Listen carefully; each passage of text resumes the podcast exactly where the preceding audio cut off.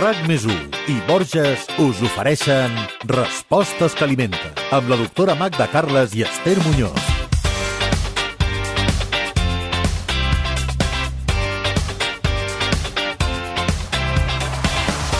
Tenim tota la teoria de com menjar bé, però a l'hora de la veritat, quan estem de festa, l'accés és inevitable. De fet, és normal que sigui així, i quan les festes se succeeixen i la gastronomia és espectacular, encara és més difícil contenir-se. Aquestes festes de Nadal en són un bon exemple, però en realitat moltes vegades no sabem parar davant el menjar. Es pot ser més moderat quan els plats ens agraden molt? Com fer-ho per saber controlar-nos? Quins factors influeixen en la compulsió pel menjar?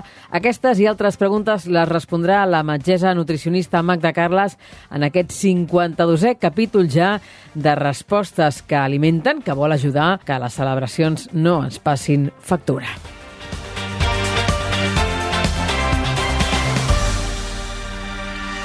Magda Carles, eh, bon Nadal. Bon Nadal. Com bon van Nadal. els tiberis? Com van els tiberis? Desbordats. sí, és allò que diu... Lo de cada any, lo de cada any jo ja no... I a més a més, a vegades, a, ja saps, a casa de l'herrero, no? Sí, Doncs això passa. però jo et veig bé, eh? Et veig bé. Ja tens un cert control de la situació, ja són molts anys, eh? Mira, tinc bon metabolisme, diguéssim. Doncs per això, per això hem volgut parlar avui amb tu d'aquest tema, no? Perquè a banda del bon metabolisme sí que hi ha certes coses que tots podem fer, no només per Nadal, Sempre. durant tot l'any. Sí. Eh, hi ha persones que, que per feina doncs, eh, mengen molt fora de casa, i altres doncs, que, que els caps de setmana doncs, eh, tenen moltes reunions d'amics i sempre és bo tenir certes nocions sobre com podem gestionar tot això. Mira, Esther, el, el menjar és un plaer i ara que certs plaers doncs, s'han posat més cars i que la gent té menys pressupostos, jo diria que encara el menjar és més important com a plaer. És a dir, tot, sempre ho hem basat, totes les celebracions, amb, amb estar al redador d'una taula, entorn a una taula, però realment eh, ara més que mai. Jo penso que el menjar té més importància ara que abans, perquè ara ens apoyem molt amb el menjar per disfrutar potser més que fa uns anys. Creus que és possible, eh, Magda, menjar de forma equilibrada durant una celebració? Home, equilibrada és difícil, ho trobo complicat, però sí que podem menjar de manera doncs, que no ens perjudiqui, que no sigui un excés del tot. Això sí, es poden fer unes quantes coses i ja està. No és tan complicat, eh? I, I el tema de, de les sortides, és bon a la festa sense menjar, que és el que fa molta gent, no? Diu, com que m'espera un gran tiberi, com que m'esperen doncs, molts plats que no acostumo a menjar i vull tastar-los tots, doncs mira, avui no esmorzaré i aniré directament al, al, al dinar, o al revés, o avui no dinaré i m'espero directament al sopar. Això és bo o no? Jo no recomano mai de la vida això, perquè si tu, eh, a l'àpat anterior, o fins i tot hi ha persones que en tot el dia no mengen res perquè tenen un sopar especial, no? especialment quan estem aquelles temporades d'operacions biquinis i aquestes coses tan nefastes. Jo no recomano gens, perquè clar, el nostre organisme és, és, és un aparell molt exacte.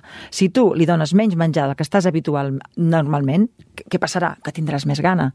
I què passarà quan arribis a l'hora de la celebració? doncs que, òbviament, et serà molt més difícil no accedir-te. Per tant, potser sí que pots baixar una mica el, els decibelis dels menjars anteriors, no menjar tant, però menja. El que no has de fer mai de la vida és no menjar. Ho trobo, en fi, és contraproduent, eh? això ho podem comprovar tots i segurament ho hem comprovat tots. Quan tu vas amb molta gana a una celebració, és que no en tens mai prou. És pitjor. Clar, És pitjor. És pitjor perquè és que la gana pot amb tu. I ja ho sabem, per estar bé, el mai tenim que notar l'estómac ni massa ple ni massa buit. Si tu no menges en tot el dia esperant la celebració, estaràs amb un forat a l'estómac que quan arribis al lloc doncs, seràs imparable. Clar, imparable. Clar, clar, clar, clar. Anem a analitzar els diferents plats d'un dinar o d'un sopar. No? Per exemple, els aperitius. Qui- Quin seria el paper? No? Eh, Quin paper eh, realitzen doncs, durant aquesta celebració? Doncs mira, diria que, i fins i tot hem pogut comprovar aquests dies de nadalencs, no? Els aperitius són una mica els dolents de, de, de la pel·lícula. Per què? Perquè tu arribes amb molta gana, és al principi de l'àpat, normalment els aperitius tu no estàs sentat, sigui una festa familiar, sigui una festa col·lectiva, i clar, mm, i a vegades, imagina si són safates aquelles que van passant, que tu no, no comptabilitzes el que estàs menjant.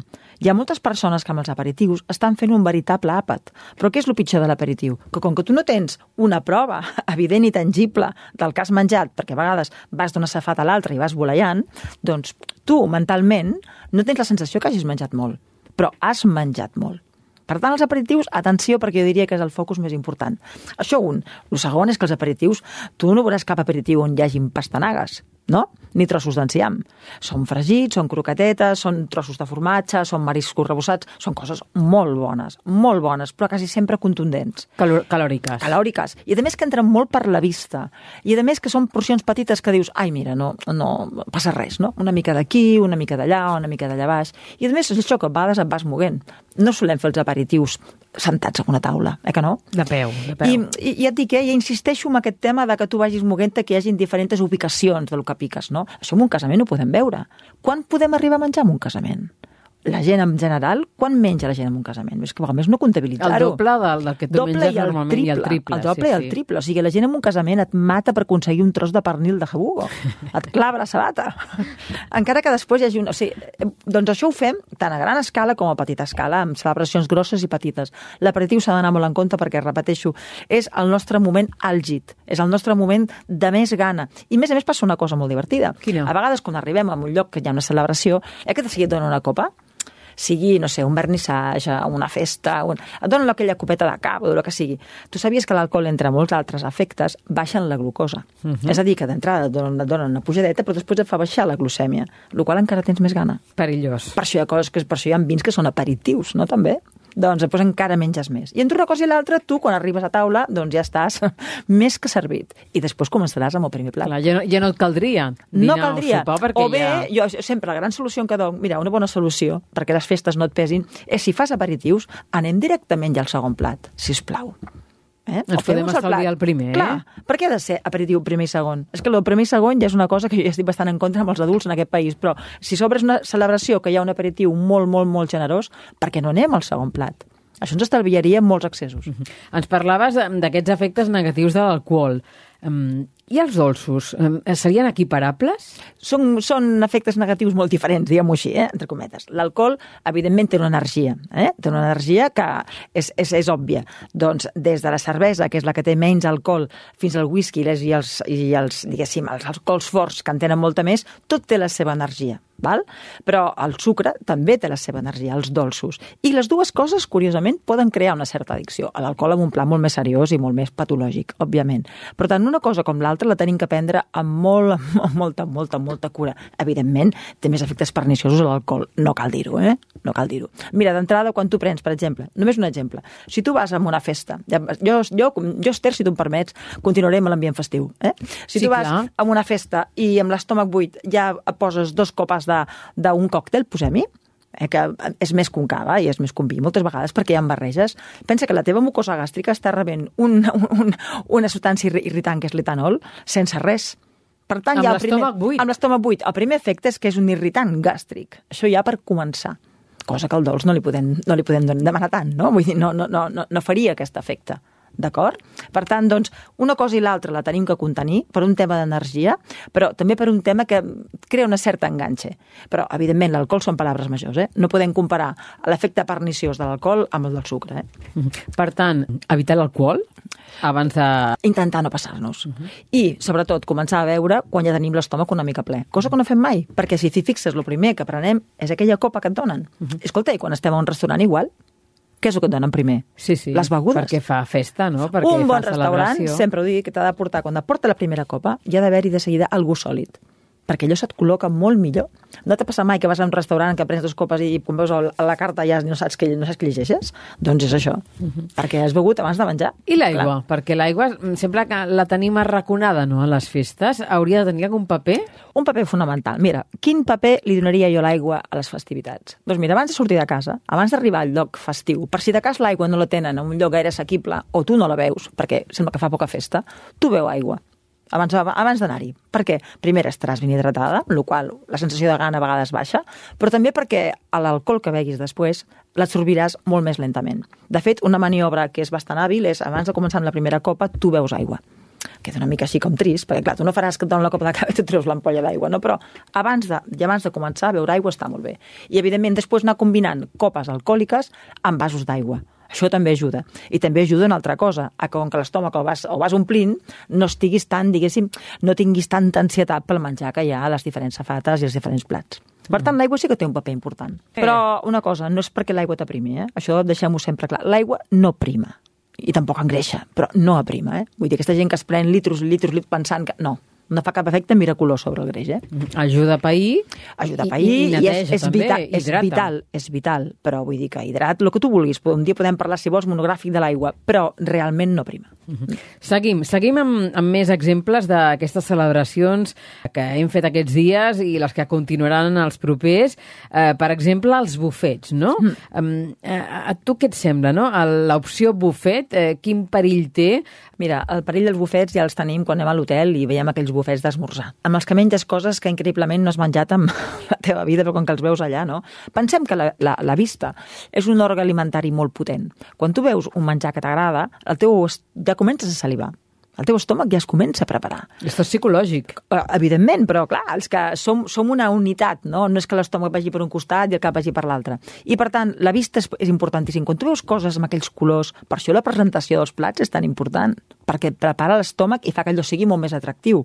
Fixa't, un plat que sigui lleig, encara que tingui el millor sabor del món, no te'l menjaràs. Una cosa amb mal No aspecte... crida l'atenció. No te la menges. I per tant, què, què, tenen, què tenen de dolent els bufets? Després direm lo bo també, eh? Doncs tenen que, ostres, que esclar, et donen tanta oferta que amb, amb aquest estímul visual tan potent, i a vegades també dolor, si és que el bufet és bo, esclar, eh? Doncs que tu allà et poses en el plat molt més del que realment necessites. Qui no ha comprovat en un hotel, sigui com sigui l'hotel, els plats que queden després d'esmorzar plens de menjar que la gent no ha arribat a menjar-s'ho, perquè n'ha agafat molt més del que necessitava. Això passa en un hotel, passa en un àpat festiu i passa en una gran celebració. La gent agafa molt més del que pot menjar, que és una pena, eh? Una llàstima. Sí, sí. A quins plats serien els que hauríem de, de tenir controlats, de controlar més del que ho fem? Mira, jo la paraula control, quan és una festivitat, la poso sempre en lletra molt petita, perquè si no diuen, ah, i la festa és per... Sí, vale. Però com, per exemple, en una època nadalenca, que les festes es succeeixen, doncs sí que tenim que tenir una mica, una mica de control. Ja dic un control en minúscules. Però sobretot amb els plats doncs, que porten, òbviament, o molt greix, o molt de sucre, o molt, i molta sal, o les tres coses juntes. Quins són aquests plats? Doncs mira, els fregits, per exemple, els rebossats que tant ens agraden, allò que dèiem de l'aperitiu, aquelles croquetes tan bones. I a vegades les croquetes pensa que com més petites són, més rebossat ha. Sí o no? Aquelles boletes, Sí, sí. menges un munt de rebossat. Uh -huh. Croquetes de gamba rebossades, doncs menges un munt de rebossat, no? O si fas taquets de formatge, formatge que sembla tan inofensiu, que dius, mira que mono, jo tot col·locat petitet, no, formatge, segons quin formatge, eh, tela, eh? Vull dir, són molt bons, però aporten molt de greix, no? no parlem, quan parlem dels dolços, és, és greix i sucre, moltes vegades. I tant que sí. Per exemple, hi ha un dolç que és típicament nadalenc, que és molt potent energèticament. Quin? Uh, que és el torró. Uh -huh. És el torró. Però, en canvi, s'ha de dir, mira, el seu favor, que té molta energia, però un torró clàssic té un greix molt saludable, que és el greix de fruits secs. O sigui Ah, que, mira. a vegades, a veure, mm, molt energètic, no sempre correspon, no, no vol dir que sigui insà, vol dir que n'has de prendre en poca dosi. No? Però el torró és un exemple de dolç que és molt potent, però que tenim que prendre en poca dosi. Val? Però que ens aporta coses molt interessants molt interessants. Té totes les propietats dels fruits secs. Per tant, doncs, plats a tenir en compte. Els que tenen molt de greix, els que tenen molt de sucre, ja hem parlat de l'alcohol, no? I el que és molt, molt salat. Després cada una ha de saber també quina edat té, com es troba, quin pes té i quina quantitat de festes té al llarg de l'any. Què li convé i què no li Clar, si tu convé. tens una festa cada sis mesos, doncs escolta, no cal que controlis res.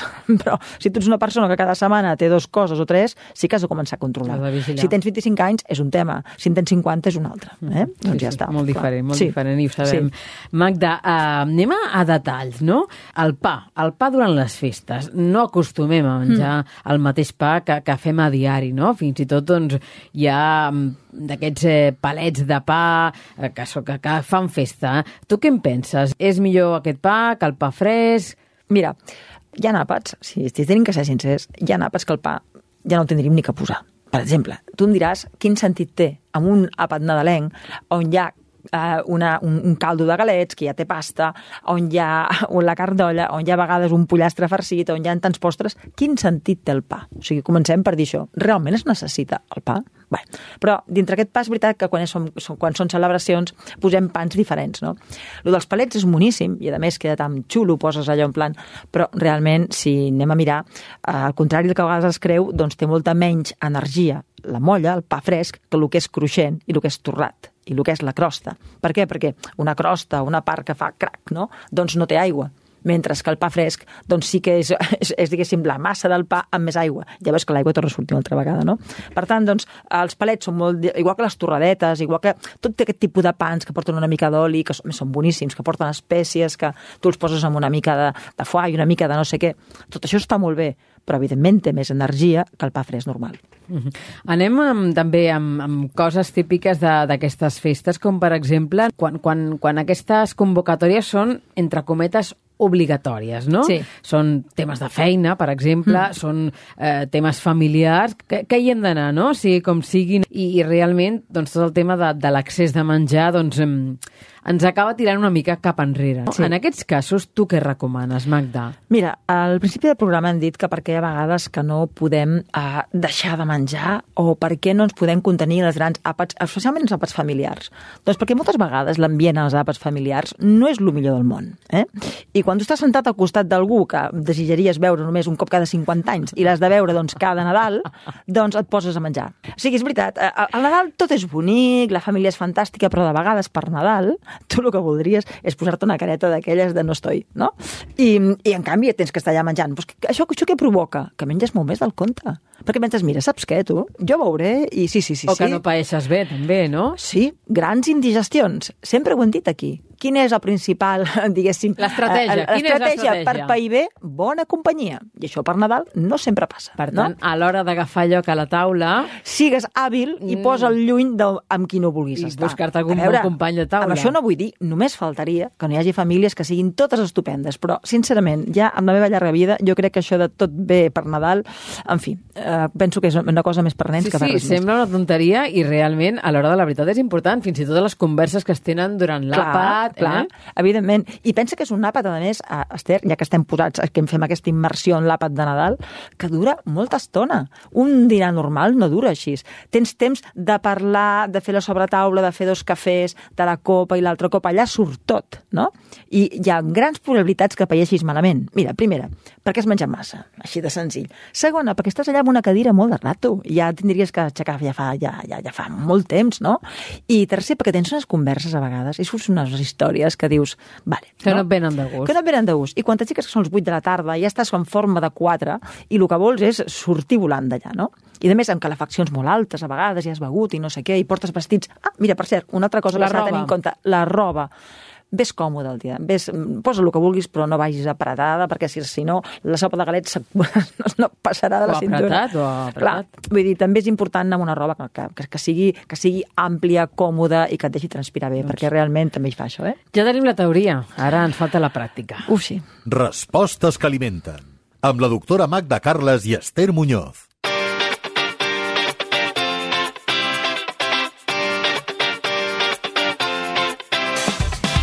Agradat molt una cosa que has dit eh, durant el podcast d'avui, Magda, eh, que és un titular, no? Perquè les festes no et pesin. Com ho fem? Com ho fem perquè les festes eh, realment no ens pesin?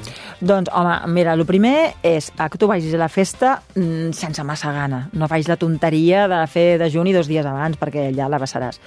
El segon, el tema de l'aigua. Important. Ves amb la vanxa ja una mica plena d'aigua. Espera a prendre la primera copa d'alcohol amb ja havent menjat una mica, que farà que et trobis molt millor i controlis molt més. Després, estigues per la gent, que ja sé que a vegades és complicat, però estigues per la gent més cap als plats, eh? Deambula una mica, mou-te. Ves bevent aigua entremig, que no sigui tot alcohol. Menja a poc a poc. No et posis allà abraonada sobre una safata, allà a l'ataque, no? No, fes, estigues tranquil·la, no? I després intenta, sobretot, eh, el, el, men- menjar i mastegar molt i agafar coses dures, cosa que abans no havíem dit, no? Una cosa que és dura i que t'obliga a mastegar té una, una sensació, dona sensació de sacietat molt més alta que una cosa tova. És a dir, una cosa que et faci, que sigui cruixent, que et faci mastegar, que no sigui... Fa... Mira, parlant de torrons, doncs millor agafa el torró dur que el torró tou, perquè et costarà tant de menjar que menjaràs molt més poc. I, per suposat, després, si us plau, una bona passejada, que no fer res violent per ser una bona passejada i aquell dia sí que després d'un gran àpat s'imposa la infusió a caldet de verdures i ja està. I tranquil·litat. I l'endemà seguim igual. Són consells que podem posar en pràctica durant les festes de Nadal, però també durant totes les que vindran durant l'any. Exacte. Eh? Per tant, eh, són consells atemporals que tots podem en algun moment o altre posar en pràctica. Magda, eh, que tinguis una molt bona entrada d'any. Esperem amb una altra festa i una altra celebració i un altre gran àpat, eh? Això, Clar. que acabi molt molt bé les festes de Nadal i ens retrobem en uns dies. Doncs adeu-siau i fins l'any que ve. Que vagi bé, bon any. Adéu. RAC més 1 i Borges us han ofert Respostes que alimenten amb la doctora Magda Carles i Esther Muñoz.